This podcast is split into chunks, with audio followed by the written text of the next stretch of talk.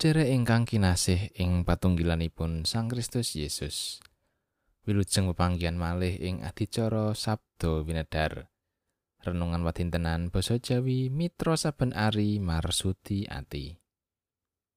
Monggo sesarengan kita maos kitab suci kita kegilut kados pundi kersanipun Gusti ingkang kedah kita lampahi. Dinten menika renungan kaparingan jejer gesang menika endah. Minangka tiyang pitados temtu kita ngraosaken gesang ingkang endah. Gesang ingkang anyar saben dintenipun amargi seramat ingkang saking Gusti. Lajeng kados pundi kita ngecakaken dawuhipun Gusti ing gesang menika? Monggo kita ndedonga langkung rumiyin. Durama ingkang wonten ing swarga.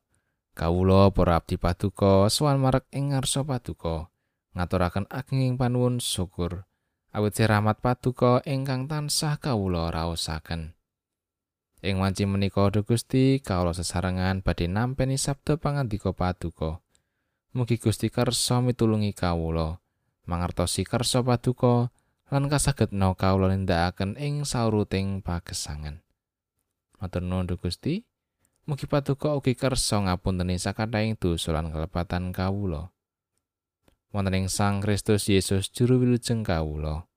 Amin. Para sedherek waosan kapendet saking kitab Jabur Mazmur bab sekawan likur. Mazmur bab sekawan likur. Rawe ratuning kamulyan ing padalemaning Allah. Mazmur anggitane Prabu Dawud. Bumi telah saisine kabeh kagungane Sang Yewa. Mangkono uga jagat lan kang padha nganggoni. Awit panjenengane kang nitahake kelawan ditalesi segara, ditetepake tumumpang ing kali-kali. Sopo sing kepareng munggah ing gununge Sang Yewa? Sopo kang kepareng ngadeg ana ing padalemane kang suci?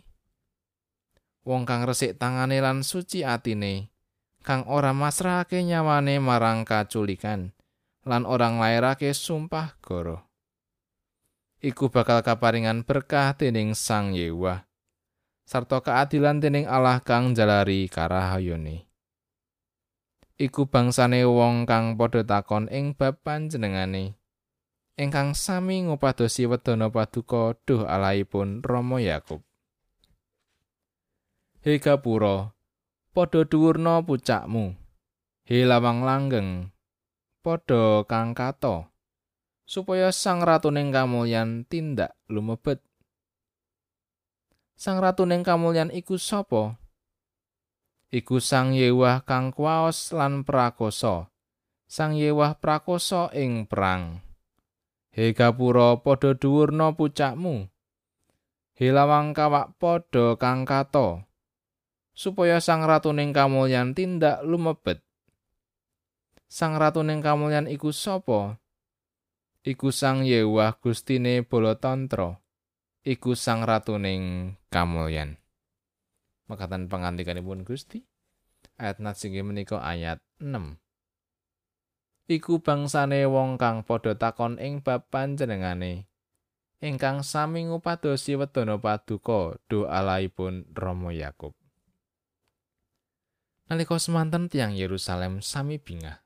Bombong lan ayem awit wontenipun padaleman suci.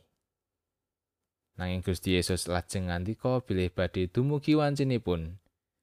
Bilih padaleman suci badhe dados jugrukan. Menawi mekaten menapa tiyang Yerusalem taksih saged ngraosaken bingah bombong lan ayem? Wanci menapa kita ngraosaken bilih gesang menika endah? Menapa nalika mboten wonten perkawis ing gesang menika? Menapa nalika badan menika sehat menapa nalika samudayanipun saged lumampah kanthi prayogi?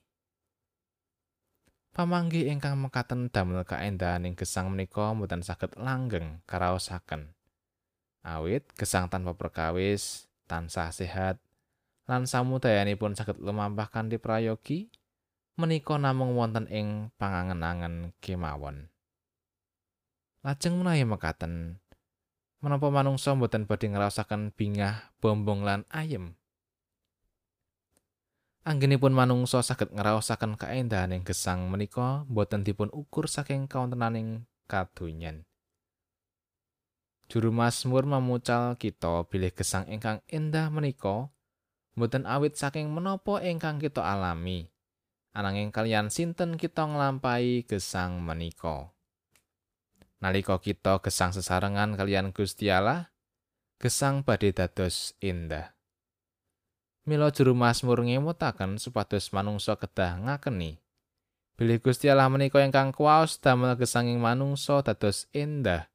Sinaosa kedah ngadepi perkawis lan nyanggi memotaning gesang.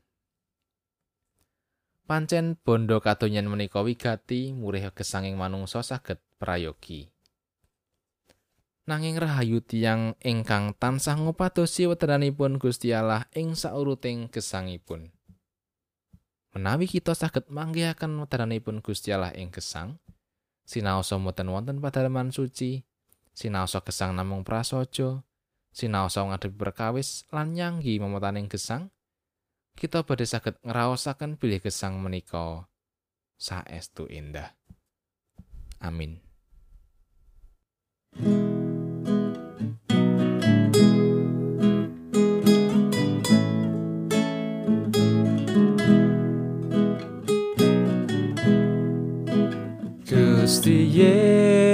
Yesus pangen kula sestu kung sepatuko ing sapuro kula mlampah patuko kanthi tansah kinanti ing Gusti kinanti ing Gusti sati takulon rima angger ki nanti gusti